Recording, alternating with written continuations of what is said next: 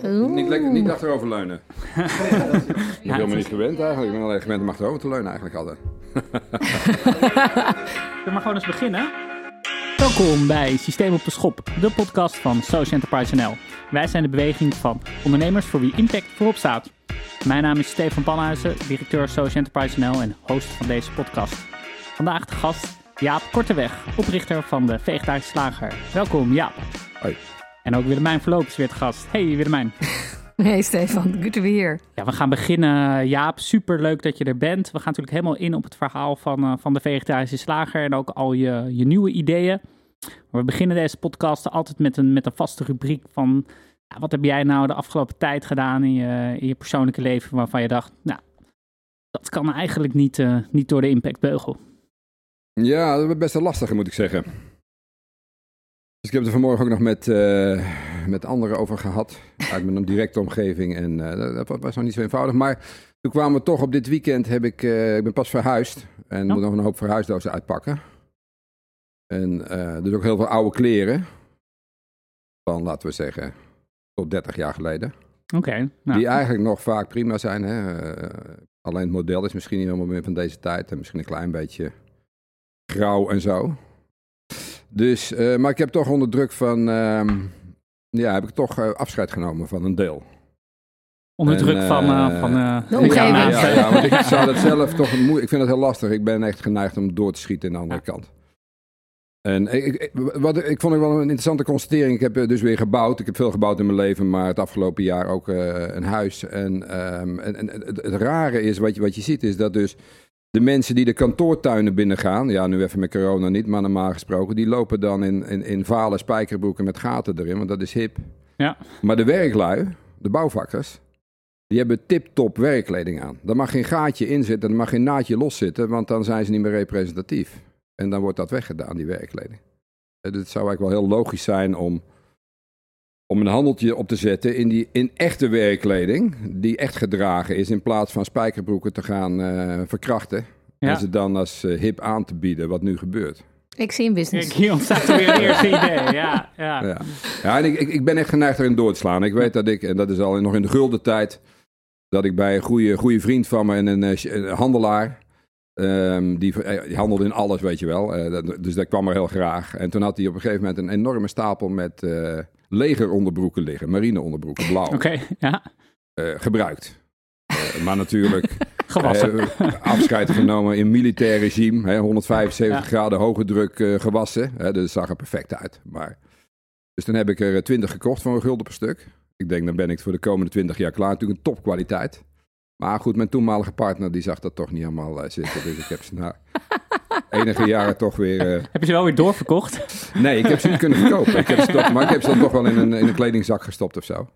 Maar eh, dus dat is, ik, ik, ja, ik, heb, ik ben geneigd door te schieten naar de andere kant. En ik, ik, ik voel het echt fysiek, zeg maar, Ja. om dingen weg te gooien. En zo. Gewoon een, een spijker recht slaan en zo. Dat zit zo. Ik kan geen schroef weggooien. Dat is, ja, helaas. Dat zijn dan interessante verhuizingen waarschijnlijk ook. eh. Ja, moeilijk, moeilijk, moeilijk. Dat is echt een, eh, dat is echt een eh, gevecht, is dat tegen mezelf. Ja. Leuk. Willemijn, eh, jij nog iets Ja, toe te voegen? Of, nou of juist een positieve? Ja, ik gooide, eh, wat ik wel vaker doe, ik gooide een, eh, ik was een weekend weg en ik gooide een paar hele bruine bananen weg, die ik thuis kwam. Maar ik was vorige week op bezoek geweest bij Sunt. Ja? En nu weet ik wat je van oude bananen voor een waanzinnige lekkere bananencake kan maken. En ook nog van de schillen dingen kan maken. Dus ik voelde me echt schuldig toen ik het weggooide. Ik dacht, ik, heb, ben, ik heb de komende dagen geen tijd om hier iets nieuws van te bakken. Dus ik gooi het eruit. Maar na bij Sunt geweest te zijn, eh, denk ik dat ik toch op mijn eh, bananenbakcursus moet. eh bananenbroodbakcursus of zo. ja, ik denk voor de volgende podcast neem je lekker een plakje mee. Ik ben nog even op bakles. Ja. Ja, ik had er zelf nog, ook nog wel één. Die vond ik ook wel eh, nou, pikant in deze, deze podcast. Durf hem bijna niet te zeggen. Maar eh, ja, het- nou ja, het land gaat weer een beetje open. En ik, eh, ik ging ook afgelopen weekend met vrienden, vrienden uit eten. Maar dat was toch wel in een restaurant wat, waar eigenlijk de, ja, de steak... en dan, dan bedoel ik de, eigenlijk de niet normale steak... dus de vleessteak centraal De stond. De oude steak. En ehm, ja, niet zo trots op. Overigens wel, eh, ik had ook gezegd, oh ja, dan kan ik dat in de podcast zeggen. Heel interessant gesprek gehad met vrienden over... eh, Maar heb jij die steak ook gegeten, willen we dan weten? ik heb hem gegeten. Ja, Oeh, ja, ja. Ik, heb hem, eh, ge- ik ben niet alleen in het restaurant geweest, ik heb hem ook gegeten. Ja, ja. Wel nog een heel interessant gesprek gehad naar aanleiding van de Mud Jeans podcast over ketenverantwoordelijkheid en hele discussies. Ik dacht, nou, gebeurt ook wat goeds deze avond. Maar ehm, ik ben er weinig trots op Jaap. En ik hoop ook niet dat ik nu de, de hele sfeer heb verpest. ik zal mijn best doen. Hey, we gaan uh, zo meteen de inhoud induiken. Maar ik vind het ook altijd leuk om uh, nou, de gast beter te leren, te leren kennen. En uh, ja, ik las dat jij hebt ooit het, het boerenbedrijf van je ouders overgenomen. En ja, was dat iets wat je van jongs af aan al wilde? Of was dat een beetje met frisse tegenzin? ging dat? Nee, toen ik het overnam niet. Maar ik wilde nooit boer worden. Ja. Ik, ik ben negende generatie boer. Maar um, nee, mijn vader ik vond het, het leek me ontzettend saai eigenlijk toch wel. Dus mijn vader was een harde werker, die had, hij had er plezier in. Uh, ook een hele creatieve man.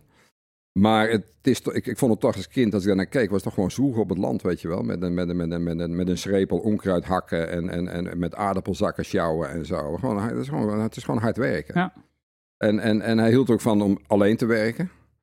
En ik vond het veel leuker om met vrienden dingen te doen. En, uh, maar goed, mijn, mijn idee, ik wilde, ik wilde woudloper worden.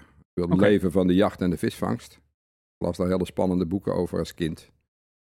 Dus ik trok ook met mijn eigen gemaakte tentje en mijn pijl en boog uh, het veld in. En dan vond ik het veel leuker om te kijken in die, pijl en boog, in, in die slootkanten dan, uh, hè, dan, dan die akker. Daar vond ik toch saai, die, die, die, die, die rechte rijen met suikerbieten en zo. Daar vond ik eigenlijk niks aan. Nee. Maar toch nee, dus ik wilde geen boer worden. Maar ja, dat woudlopen, dat, ja, dat zat er op een gegeven moment toch niet echt in. Hè. Dat, uh, dat liep toch tegen praktische barrières aan. En ik wilde ook niet naar het buitenland toe.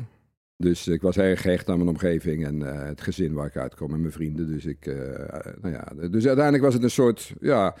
Ik ben uiteindelijk boer geworden door, door, door bij andere boeren te werken die dat dan iets meer een sociale gebeuren van maakten. Dus uh, zorgde voor meer activiteit en meer mensen op hun bedrijf. Ja. Het grappige is dat ik nu inmiddels een leeftijd heb dat ik natuurlijk... mijn vader was net zo oud als ik nu ben toen ik op het bedrijf kwam werken, precies. Ja. Hij was 58, ik ben ook 58. Toen kwam ik thuis. Maar ik lijk nu ontzettend op hem. Hè? Dus, ik, bedoel, dus ik, ik werk nu heel graag alleen, als, ook wel als... Geen gezeur in je hoofd. Geen gezeur even en uh, heerlijk. Hè? Dus, dus ik bedoel, uh, ja, dat kan ook verkeren natuurlijk in je leven. Ja. Mooi. Maar hoe ben je, heb je, ben je van het overnemen van het boerenbedrijf dan gegaan naar het, het beginnen van een onderneming? Dat is nogal een. Nou ja, een boerenbedrijf is ook een onderneming natuurlijk. Ja, maar een. En niet zo'n kleintje. Nee, mee eens, sorry. Maar ja. het, uh, een, een onderneming die niet echt over het boerenbedrijf ja, nou, er liggen allemaal wel links. Hè? Dus ik ben. Uh, vanuit het boerenbedrijf heb ik uh, allemaal dingen gedaan die er wel uh, verband mee houden. Dus ik heb ooit een vakbond voor boeren opgericht. Dat was dan geen onderneming, maar meer sociale ja. activiteit, ja. denk ik. de eerste vakbond voor boeren. Um, in duurzame energie in 1994 al begonnen daarmee. Um, op welke manier? De natuurontwikkeling. Het is natuurlijk allemaal wel gekoppeld aan, uh, gelinkt aan het boerenbedrijf. Dus landbouwgrond omzet in natuur. Daar ben ik ook al zo'n twintig jaar geleden mee begonnen, denk ik. En uh, goed, de vegetarisch slager dan. Maar dat is natuurlijk echt een link naar het boerenbedrijf. Hè. Ik werd geconfronteerd met die varkenspest ja. in Brabant. En uh, dat was voor mij de reden om te zeggen, ik ga vegetariër worden. Wat heel lastig was, merkte ik als vleesliefhebber. En, en gedacht van ja, we moeten gewoon dat dier vervangen zoals we ook ooit het trekpaard hebben vervangen door, een, uh, door techniek, door auto's en tractoren en zo. Zo gaan we nu de, de kip en het varken en de koe vervangen door techniek. Dus, uh, dus nee, het is een hele logische, denk ik. Het, is, het ligt allemaal in het verlengde van elkaar. Ja, maar vervangen door techniek, is, dat, is de techniek dan het logische? Want uiteindelijk maak je dus iets wat een, een product is wat gemaakt is van een heleboel, zeg maar, processed food versus natural food. Op de boerderij ja. maak je hele natuurlijke producten. Nou. Ja, in mijn perceptie, maar ik ja. ben een stadsmeisje. Ja, ik, ik, ik, je voelt hem al aankomen. ik, ben biologisch boer, hè, maar uh, zo natuurlijk is het natuurlijk allemaal niet. Het nee? Want hoe, hoe, zie jij die discussie nou over? Natuurlijk, het is natuurlijk landbouw, ook zelfs biologische landbouw, is natuurlijk heel erg gecultiveerd. Die gewassen zijn helemaal aangepast op de mens. Dat zijn geen natuurlijke gewassen. Uh, we eten geen gras, we eten geen bomen. Ik bedoel, in een bos gaan de meeste mensen binnen no time dood. In de natuur. Nee, het is, landbouw is natuurlijk zeer, uh, zeer gecultiveerd. En, en, en alleen we zijn eraan gewend. Dat is het meer. Zoals we ook gewend zijn aan, aan bier wat gebrouwen wordt en kaas wat gefermenteerd wordt en zo. Wat we nu doen met dat nieuwe vlees is denk ik natuurlijker dan het oude vlees. Want we halen er een stap tussenuit, een heel onnatuurlijke stap om dieren die heel erg zeg maar, aangepast zijn ook aan, aan, aan productie. Om die er tussenuit te halen en direct van die bonen en die granen. Met een heel simpel proces, hè, want het is eenvoudig. Het is een machine die gewoon zorgt voor druk en, en temperatuur en roer. En dan krijg je die vleesstructuur direct van die, van die plantaardige ingrediënten. In plaats van dat je daar nog zo'n uh, zo doorgefokt varken tussen zet. Ja. Ja, helder. Uh, Jaap, en ik denk, nou, het verhaal van de vegetarische slager voor, nou, voor velen wel bekend. En nou ja, natuurlijk ook een, uh, de overname door, door Unilever in, in 2018. Ik denk dat dat een onderwerp is, hè, wat, uh, nou, wat voor veel luisteraars er wel meer willen over weten. Over hoe is dat gegaan en wat komt er allemaal bij kijken. Mm -hmm. Ik zat te denken, dit is nu volgens mij drie jaar terug.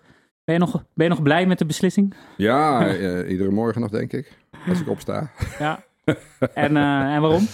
Ja, omdat ze het fantastisch doen. En, uh, en dat is echt, uh, ik bedoel, dat, die garantie had ik natuurlijk helemaal niet, maar dat is wel wat gebeurt. Dus mijn opvolger is echt een fantastische kerel. Die dat met hart en ziel doet en met heel veel uh, professie ook. Het is gewoon een professionele. En, en ja, ik, ik, bedoel, ik had dat nooit zo kunnen doen. Even, even los van natuurlijk ja. het netwerk en de middelen wat hij heeft, ook gewoon als persoon kan hij dat veel beter dan ik dat had gekund. Ja, wat, waar moet ik aan denken? Ja, ik, bedoel, ik zou er helemaal geen zin in hebben al om te beginnen, weet je. nou ja, dan, dan ben je al verkocht, hè? Zo'n corporate omgeving nee, bedoel, past jou niet. Nee, dat kan nou ja, corporate onderneming, maar het is, hij is echt, zeg maar, de persoon om dat in deze fase, hè, gewoon een, een, een, een basis om die dan groot te maken en de wereld over te brengen en, en, en, en daar onderhandelingen over te voeren en, en connecties te leggen en zo. Dat is gewoon een ander vak. Ik bedoel, ja. ik ben veel meer een, uh, een pionier en, en uh, om, om een idee uit het niks dan uh, van de grond te krijgen. Maar dan, als het echt business wordt, als het echt business wordt, dan, ja, dan, dan ben ik daar gewoon minder geschikt voor. Ja. En, en, en, was er een moment waarop je dacht, hè, nog, nog met vegetarisch slagen, dat je dacht, ja, we moeten, we moeten echt groter worden en dat gaat, dat gaat gewoon zelfstandig niet lukken? Nee, dat niet. Maar ik ben van het begin af aan er heel duidelijk over geweest. Dus ik heb van het begin af aan gezegd dat wij... We, we werken natuurlijk echt vanaf de start. Onze eerste klant, dat was de, de slager van het jaar, de beste slager van Nederland.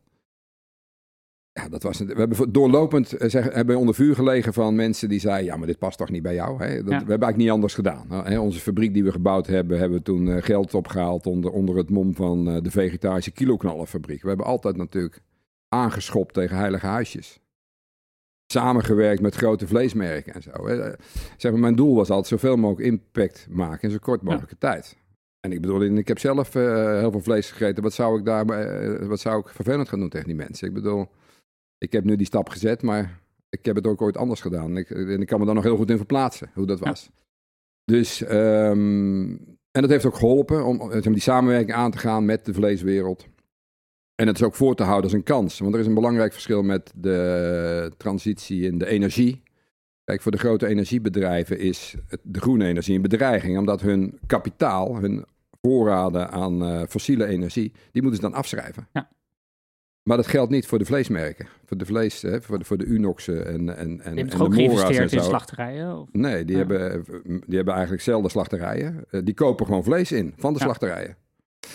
Dus um, het maakt hun niet uit. Ze kunnen hun bestaande fabrieken gebruiken om in plaats van dierenvlees plantaardig vlees te, te, te, gebruiken. En daar kroketten en hamburgers en frikandellen van te maken. Dat, dat, dat kan gewoon met. Dus dat kost, het kost ze geen geld. Dus het enige wat inderdaad verdwijnt, als dit doorgaat, zijn de slachterijen, want die heb je niet meer nodig. Ja. En natuurlijk de, de kip- en de varkenshouders. Ja. Dat is een heel ander verhaal. Maar, maar je bedoelt de, de, de keuze om, dat is vraag die de keuze om zelfstandig met extern geld groot te worden en samen te gaan met een, met een, een big food partij.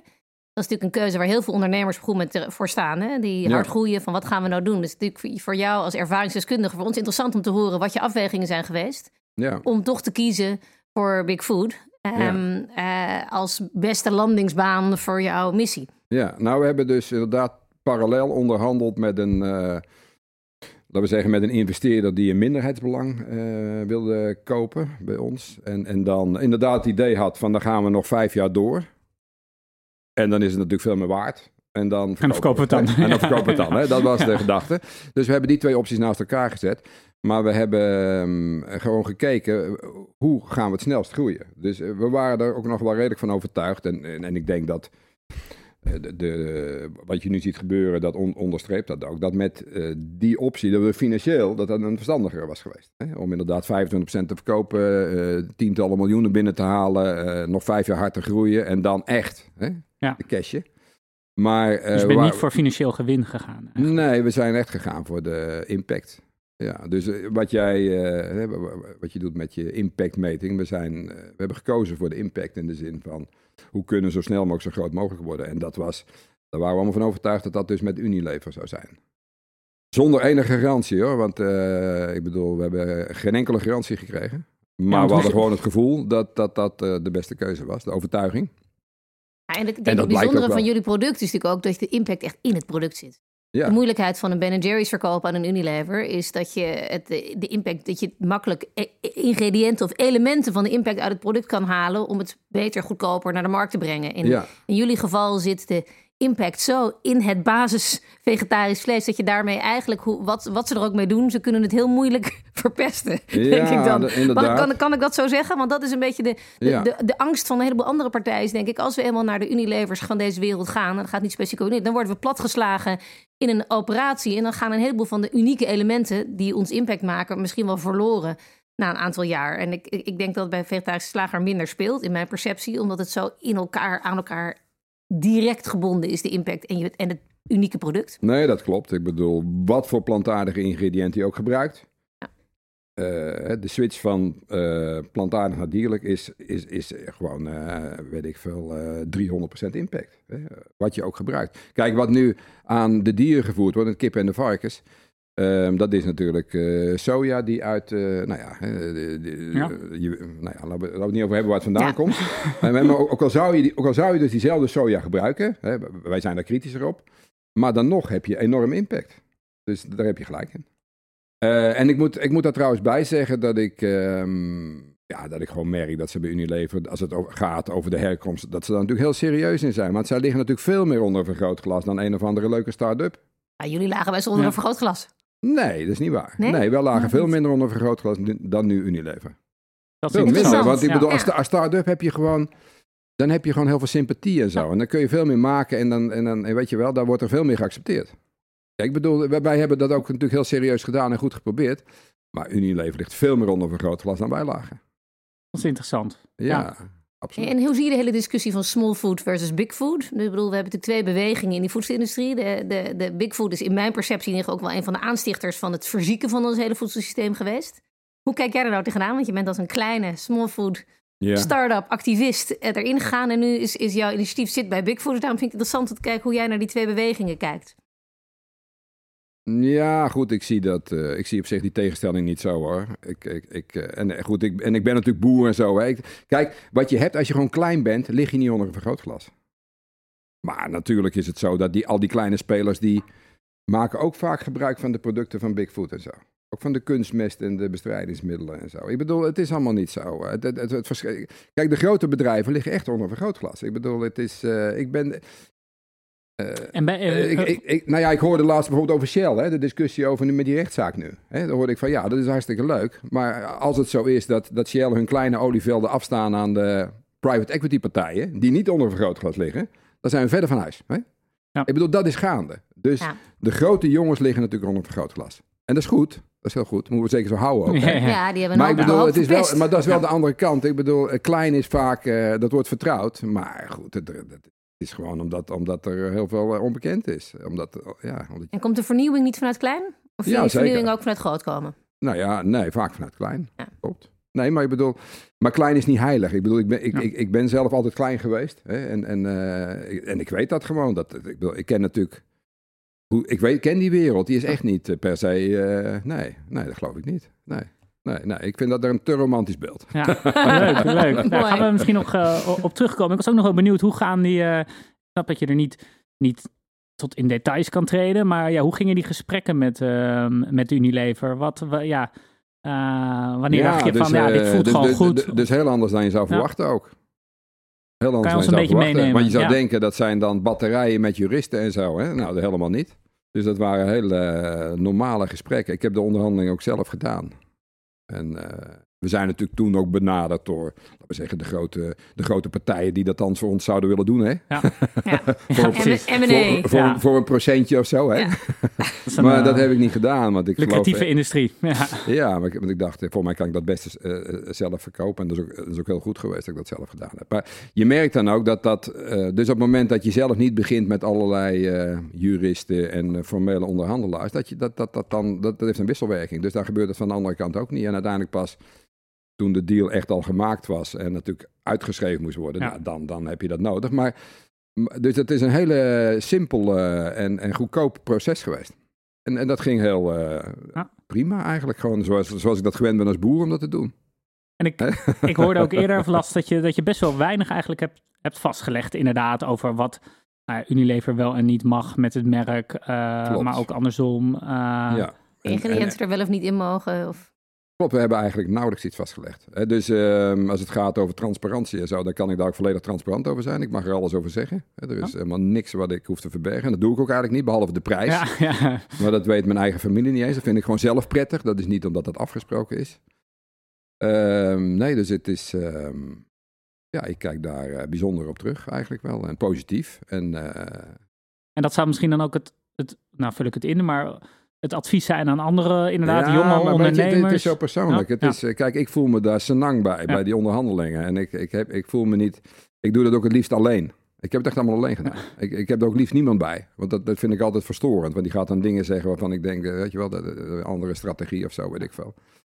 Dus, eh, maar ja, dat moet bij je passen. Ik, weet, ik ken ook heel veel mensen die worden hartstikke zenuwachtig... gewoon alleen al bij het idee. Hè? Dus, dus dat, eh, ik, ik zou dat niet willen adviseren. Maar het kan wel.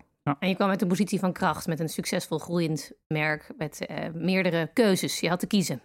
Ja, zeker. Nee, maakt, we zijn eh, echt door maakt- honderden partijen ja, dat benaderd. maakt om je ook wel een, te worden. Hey, en, en, en Jaap, als je terugkijkt, wat, vind je- wat zijn nou als je terugkijkt de meest relevante grote beslissingen geweest die je hebt gemaakt, die het zo succesvol hebben gemaakt? Als je nou terugkijkt, kijk even, als heel veel onder, jonge ondernemers kijken naar jullie. Ja.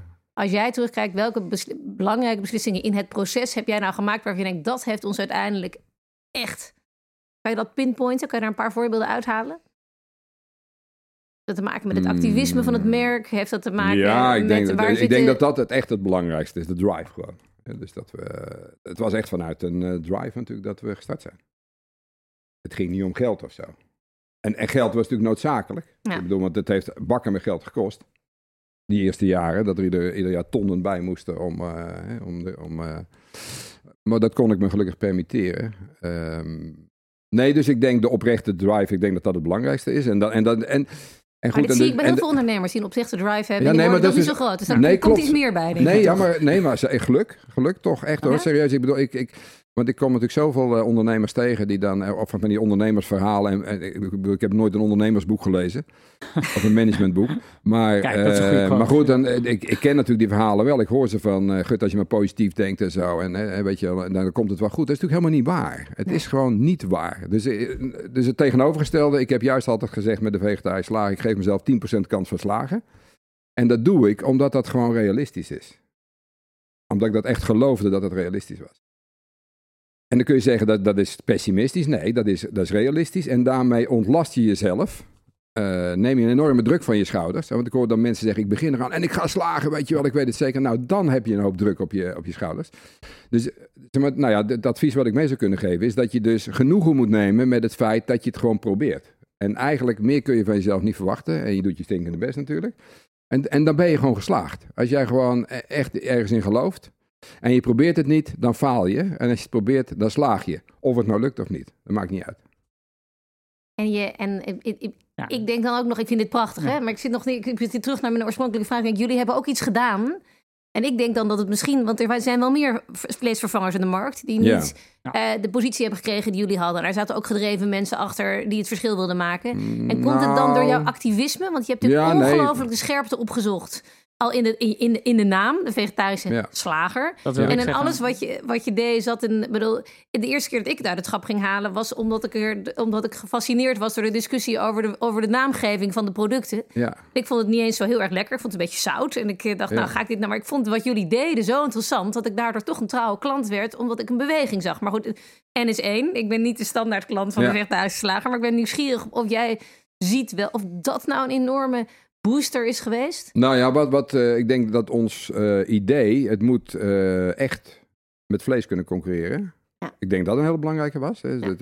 Wij stapten af, want ik bedoel, je, zegt de concurrenten, maar de concurrenten hier, dat waren vooral vleesbedrijven die het erbij deden. Voor de vegetariër. Hè. Dus niet voor Nou ja. zichzelf. Ja. Ik denk wel heel belangrijk, ik deed het voor mezelf als vleesliefhebber.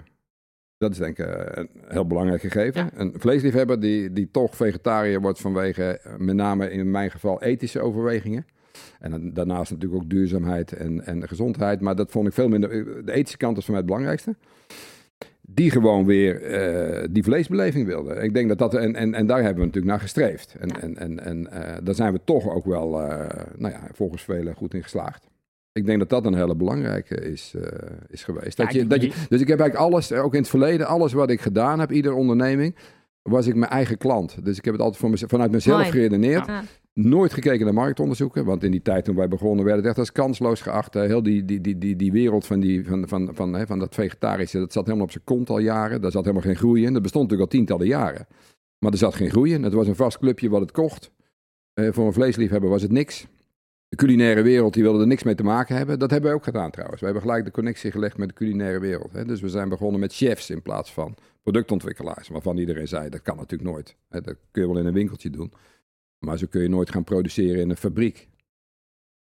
Maar we hebben met topchefs natuurlijk eh, gewerkt. En eh, die mensen voor de, hebben gek, voor de gek gehouden Ja. en zo. Ja, die hebben gewoon onze producten gegeven. Ja. Zelfs de chef van El Bulli hebben we toen eh, voor de gek gehouden met onze kip. En, en, en, Gaaf. en, en, en de, Ja. de, de, top, de topchef van, eh van Hutte Catering, hè, die ons tonijn proefde en onze kip. En gewoon zei, wat is dat? Die, die tonijn gevangen, er zit geen bijsmaak aan. Dat is een hele bijzondere kwaliteit.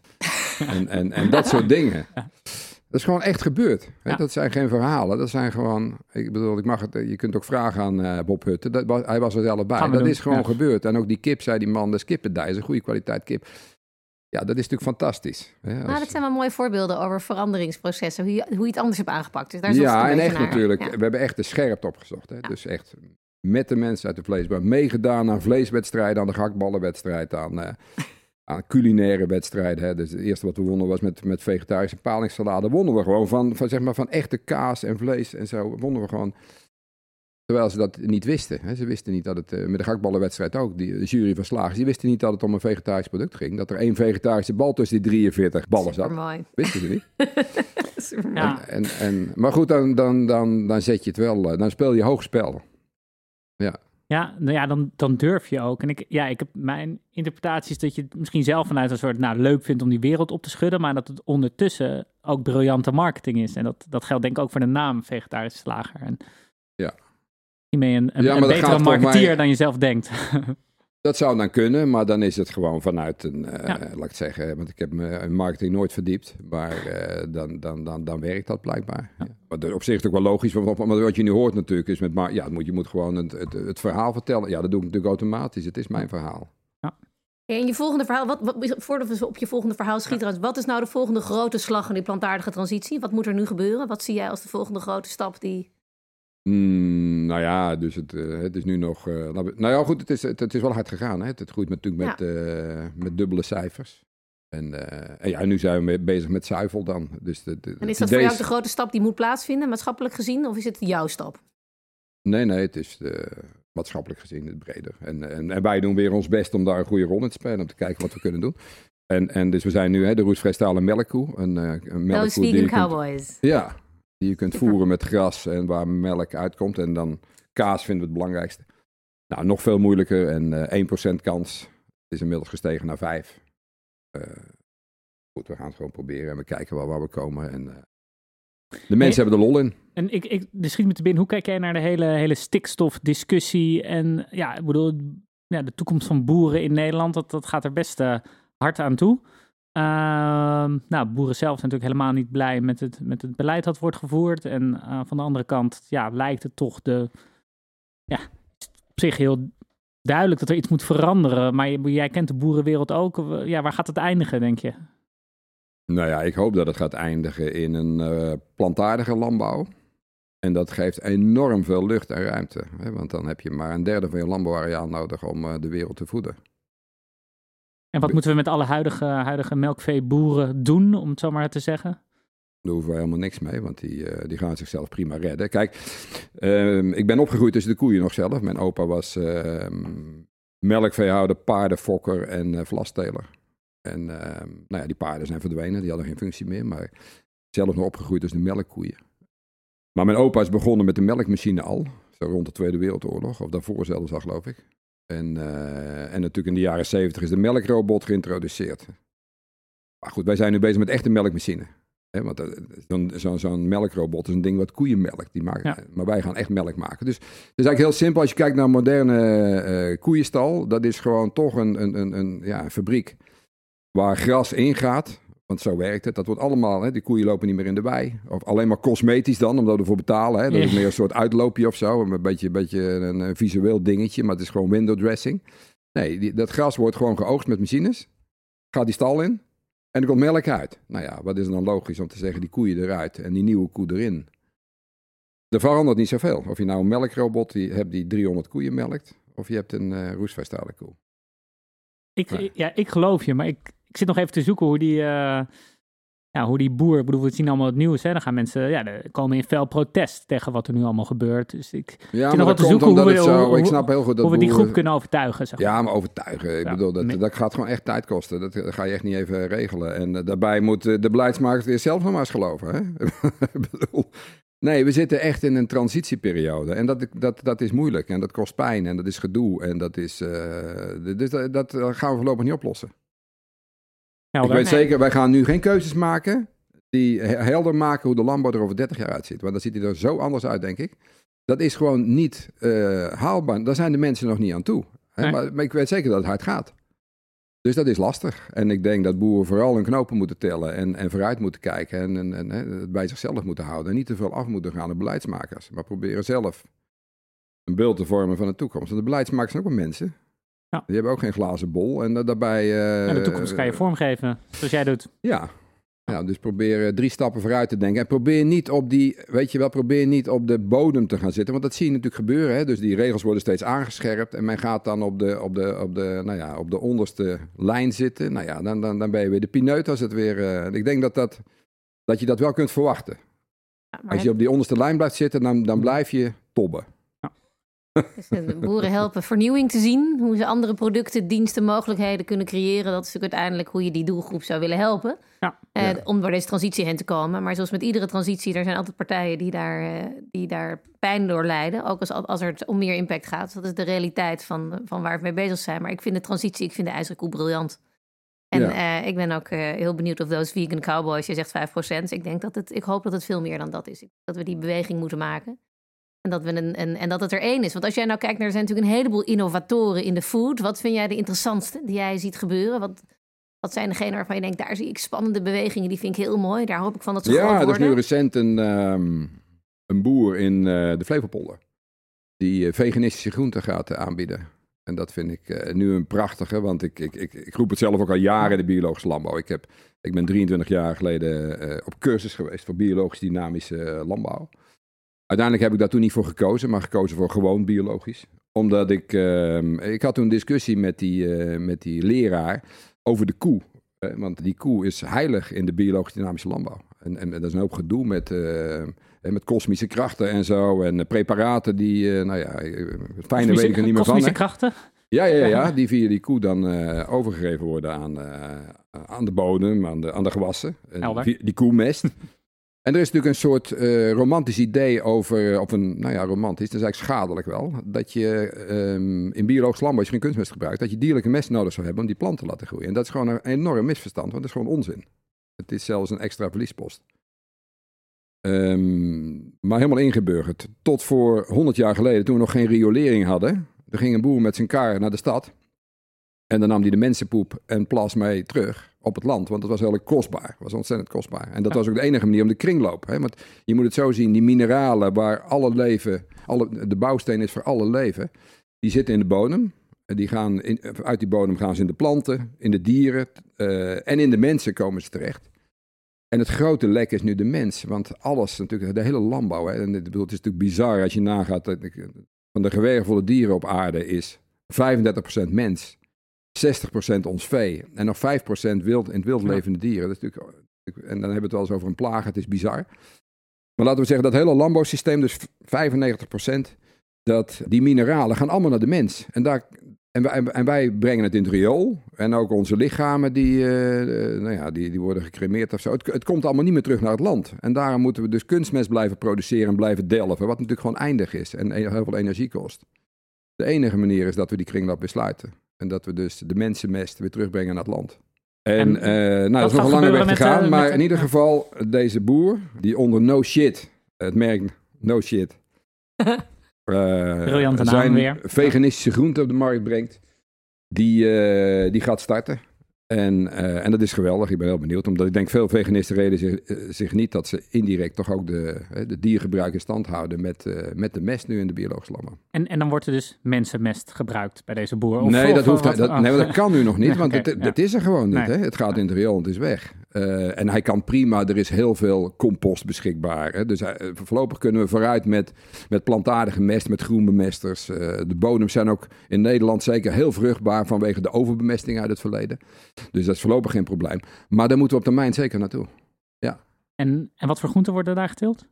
Ja, van alles. Eh, ik, ik, nee, ik, ik, ik zou het niet eens precies weten, hè, maar laten we zeggen wortelen en uien en aardappelen en pompoenen en, nou ja, en, en, nog- en nog heel veel meer. En eh, goed, het is, eh, en ik hoop dat het snel gaat groeien.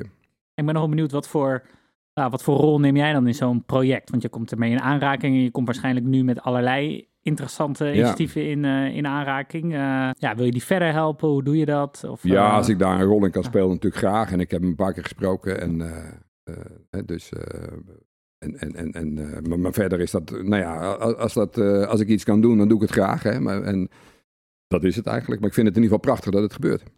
Hoe kijk je naar de, pro- de, de grootste proteïnevervanger van de toekomst? Wat denk je dat het wordt? Gaat dat naar, naar algen? Gaat het plant? Gaat, gaat het eh, eh, fungi? Eh, eh, wat, wat, wat gaat, waar gaan we daar naartoe? Want Dat is ook weer zo'n grote eh, beweging. Nou, ik denk dat het voorlopig eh, gewoon echt de, de- Wat nu ook de basis is, dat zijn gewoon de, de, de erwten, de bonen en de granen. Dat is gewoon voorlopig de duurzaamste vorm. En wat het op hele lange termijn wordt, dat weet ik niet. Kijk, algen zou bijvoorbeeld eh, met, de, eh, met de omega-3 misschien voor Ja. visvervangingen interessant kunnen zijn. Ehm, ja, we kunnen uiteindelijk ook gewoon compleet proteïne produceren, zeg maar, uit lucht. En, en, en, en, weet je wel, dat, dat, dat, dat, dat, en energie, dat kan ook. Hè? Dus het is, en natuurlijk de mineralen heb je nodig. Maar goed, dat, dat gaat heel ver. Maar ik denk voorlopig echt het eh, basale veevoer. Dat is gewoon de duurzaamste bron. En dat is natuurlijk vaak het lastige dat dat dan zo'n slechte naam heeft. Bijvoorbeeld soja. Hè? Ja. Dat wordt dan, soja heeft een slechte naam door het gebruik, eh, door de vleesconsumptie, stijgende vleesconsumptie. Maar soja is natuurlijk een perfect gewas. hè. Eh, een goede kwaliteit eiwit, hoge opbrengsten. Dus als we overstappen van soja op andere vormen, dan moeten we nog meer oerwoud kappen. Ja. Om de wereld te voeden. En, dat, eh, en dat hetzelfde is een beetje met palmolie Ja, aan de gang. Hè? Dat is Ja, maar daarom zoeken naar algen of andere manieren waarmee we dat weer Ja, maar dat is voorlopig nog niet eh Nee? duurzamer. Nee, Nee, nee, daar is nog geen zicht op. En ehm, nu we toch een beetje in de toekomst kijken, hoe kijk je naar de eh, kweekvlees? Die hele beweging, hè, wordt nu veel in geïnvesteerd eh, door eh, Hmm. allerlei partijen. Zoals Willemijn Ja. naast me. Ja, ja ik weet het niet. Het is, het is een oud idee. Het is natuurlijk al eh, 40 jaar ook zijn ze bezig. En het gaat uit van het idee dat je dan echt die dierlijke cellen nodig hebt om, om, om de vleesbeleving te hebben. En nou ja, dat, dat, eh, ik, ik, ik betwijfel dat. Want eh, ik denk dat we dat. eh, de, de producten plantaardig. Nou ja, als, ik zie wat wij ook aan, aan, aan, aan, vlees deskundig voor de gek gehouden hebben. Dan, dan vraag ik me dat af. Maar dit is goed dat het geprobeerd wordt, denk ik. En we zullen zien wat het wordt. Ik zou er zelf niet in investeren, maar goed dat het. Ik vind, i- iedereen moet zijn best doen en, eh, en doen wat Ja. hij in gelooft. Zo zijn er volgens mij ook wel eens mensen die hebben niet in jou geïnvesteerd. Eh, ik weet niet of Nee, die waren er heel Ja, veel. ja. Eh, Sterker nog, er was er, dat allemaal er was er niet één. kwamen er niet tussen. Die, eh, die Nee. krabben zich nu ook achter hun oren. Nee, toen, Ja. ik, toen ik begon en zei mensen, ik ga hier aan beginnen en ik, ik geef het 10% kans. Toen, eh, vreemd genoeg was er toen echt niemand meer geïnteresseerd om te investeren. nou, Ja, jij wilde nog op de wilde je dieper de kweekvlees in? Of, eh? nou, dat, dat Voorlopig moet- neemt helaas de, kwee- de, de vleesconsumptie wereldwijd nog steeds ieder jaar toe. Dus eh, hoe meer alternatieven, hoe beter, lijkt mij, om dat tegen te gaan. Ja, zeker. En dat kan best. Dus, Ja, ik bedoel, die, die, die wedden. elektrische auto is Ja. natuurlijk toch een fantastisch voorbeeld. Hè? Wat, Ja. hoe, dat, hoe snel dat dan. Ik bedoel, en dat, en zo zie ik dat ook met eh plantaardig vlees en zuivel. Op een gegeven moment komt het over een punt en dan gaat het weer ineens heel snel. Ja, Ja. de tipping Ook in point. China en zo. Dat Ja. zien we ook, hè? Dat het daar natuurlijk ook gewoon. Ja? toch- ja zeker. Want daar ben ik zelf altijd wat, wat sceptisch over. Ja, ja. Nee, ook Tijdje in daar. En- en wat is het- het- ander land, maar er wordt, wordt, wordt, wordt vrij veel vlees. Er, er, er, En in welk Ja, land ja. verkoopt de vegetarische slager nu het best? Weet je dat? Geeft, geeft Unilever jou de inzichten? Want nu gaat het natuurlijk internationaal een stuk eh, harder Ja. de afgelopen paar jaar. Ja. Waar is het nou het hardst groeiend? Ik vind het wel interessant. Ja, je ziet dat ze natuurlijk dan gewoon starten in landen. Ik zou het echt niet weten hoor. Ik Nee? zou het niet kunnen zeggen. Maar ze zijn natuurlijk ges- gestart in China en in, eh, in Brazilië en in Singapore. En eh, nou ja, noem maar op. Hè. Ik geloof 45 landen nu of zo waar het te koop is. Ja, wel interessant om dat soort trends te weten op basis van een Nederlandse innovatie waar dat dan snelst loopt. Zou ik wel leuk vinden. Maar gaan we een keer aan Unilever vragen dan? Bij je opvolger. Ja, ja. dat is een goed plan. Dat is goed plan om Ja. die uit te nodigen. Ja. Zeker. Dat is echt, eh, die heeft dat natuurlijk helemaal scherp. En die heb je dus niet zelf uitgezocht. Die heeft Unilever uitgezocht. Ja, klopt. En je bent er toch heel gelukkig mee. Ja, Ja, en is er ook iets waar je niet gelukkig mee bent hoe het nu gaat? Kan je daar, of is dat een vraag die ik niet mag stellen? jawel. Zijn er dingen waarvan je zegt, oeh, dat zou ik liever anders hebben gezien? Eh, nee, ik kan zo, zo direct niet iets bedenken eigenlijk. Nee, nee. Wauw. Nee, nee, eh, nee, tuurlijk. Ik bedoel, eh, en eh, ik Als heb nog het is regelmatig contact met mijn opvolger, dus dan, dan, dan, zie ik wel eens wat of zo. Maar dan, dan, dan ik krijg daar altijd een, gewoon een, een goede uitleg bij en een goed verhaal. En dan snap ik het. Ik bedoel, ik- zij hebben natuurlijk wel, zij zitten in een andere situatie nu. Met andere prioriteiten. en Zo. Nou, nee, eentje misschien. Ik, ik vind het jammer dat we, ja, nee, de goede.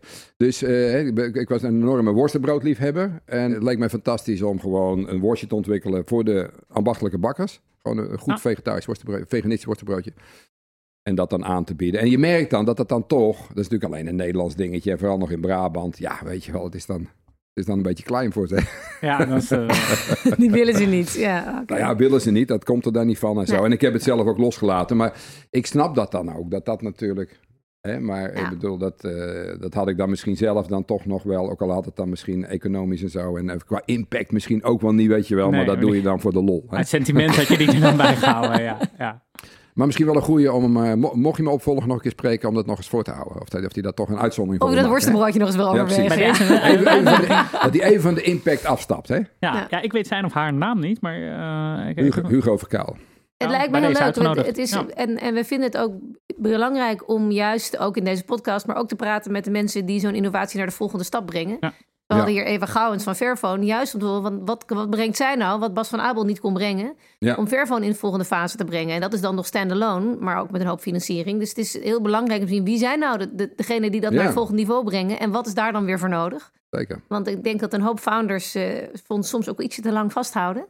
Omdat het zo je baby is, zo'n innovatie, zo'n activistische drive. En ik vind Mhm. het heel knap om te zien hoe jij hebt losgelaten met impact als drijfveer. En ik denk dat dat wel een heel mooi voorbeeld is ook voor velen. Want hoeveel jaar heb je het nu zelf gedaan? Mm, ja, even denken hoor, een jaar of eh, ruim tien jaar. Maar ik weet dat ik dat kan, hè. Dus ik bedoel, Ja. ik heb dat Ja. vaker gedaan in het verleden. Hè? Ik bedoel, ook die vakbond die ik opgericht heb en zo, heb ik het ook. Dat, dus dat zit in mijn aard. Dat is, voor- dat is voor mij ook niet moeilijk. Dus those Echt vegan cowboys die hebben jou maximaal nog negen jaar in huis. En dan ben je... Ja, dat denk ik wel Denk eigenlijk. je ja. dat, is wel, dat is wel wat ik verwacht. Omdat ik, dat, ik vind het gewoon niet leuk. Nee. Dus ik, eh, en, en daarbij, ja, dat loslaten zie ik dan gewoon anders. Ik bedoel, eh, ik, ik, ik, eh, ja, ik, heb Ik denk dat het hartstikke goed is. Ik denk dat je ondernemers hebt voor iedere fase van Ja, een bedrijf. En als jij bent een bouwer en een starter en een pionier en een... Eh, dus een, en een voorbeeld voor andere pioniers. Ga je nu één ding doen? Those vegan cowboys wordt het? Of ga je, er, ga je er meer doen? Nee, goed, ik ben eh, zeker bij meer eh, initiatieven betrokken. Hè? Dus eh, nee, daar- daar- daar- daar- en het is hartstikke leuk, er gebeurt zoveel. En ehm, kijk, ik hecht er wel aan. Ik heb geen, eh, geen PA of zo, daar wil ik ook niet aan beginnen. Er is ook niemand die mijn agenda beheert, dat doe ik zelf.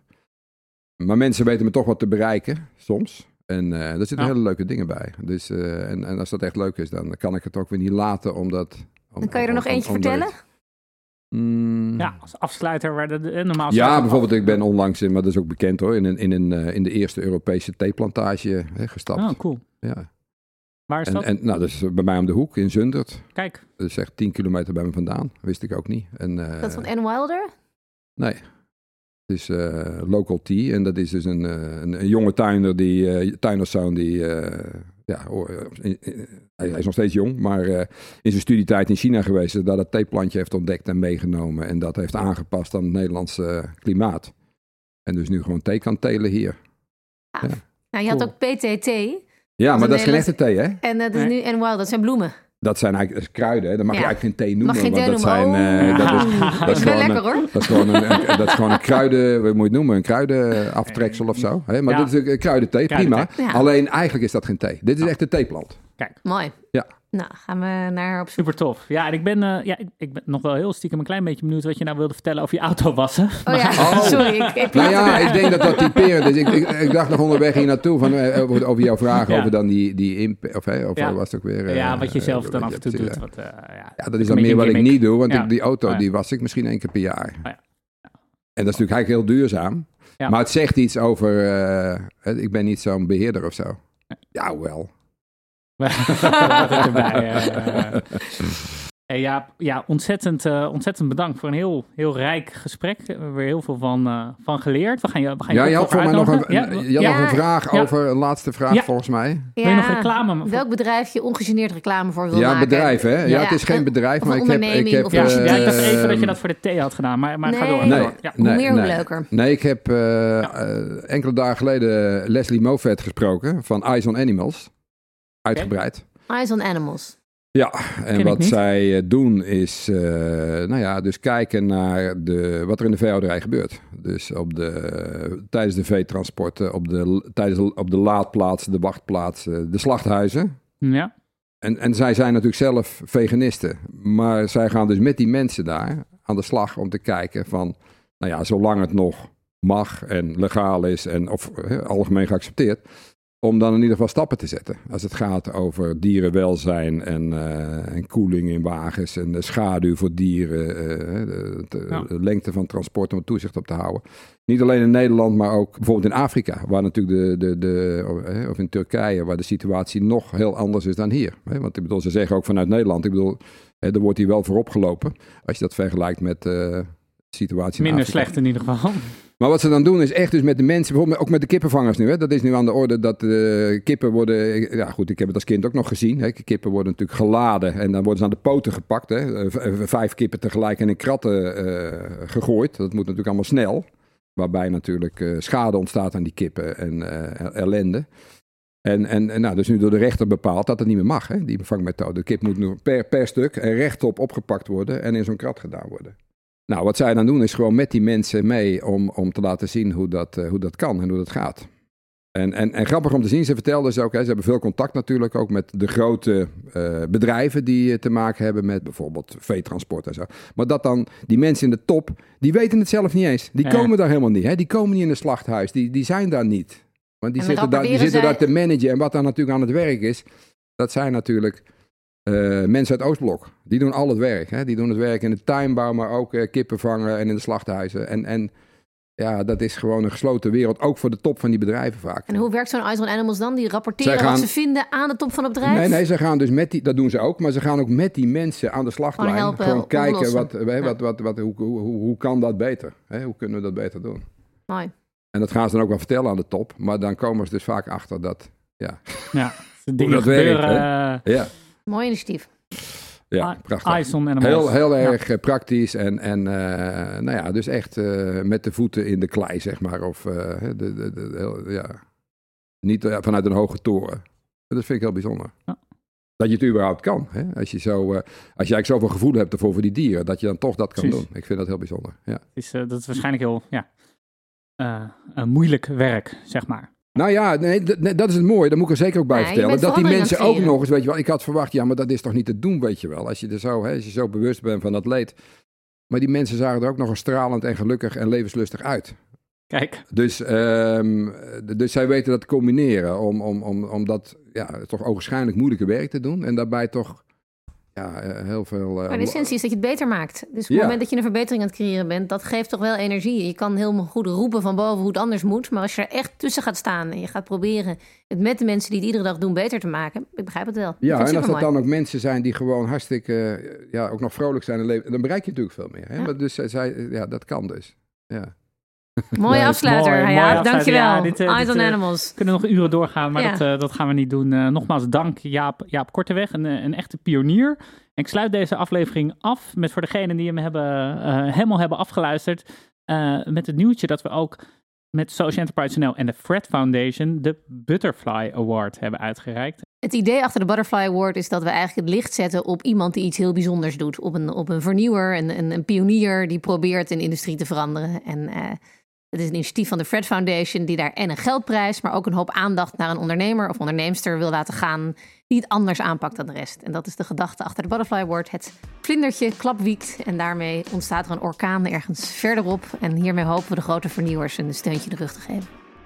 En die is gegaan naar Sunt, wat eh, Willemijn in het begin noemde. Dus ga dat vooral kijken. Ga naar de website van Social Enterprise NL en eh, koop een bananenbrood van Sunt. En op naar de volgende aflevering. Dankjewel.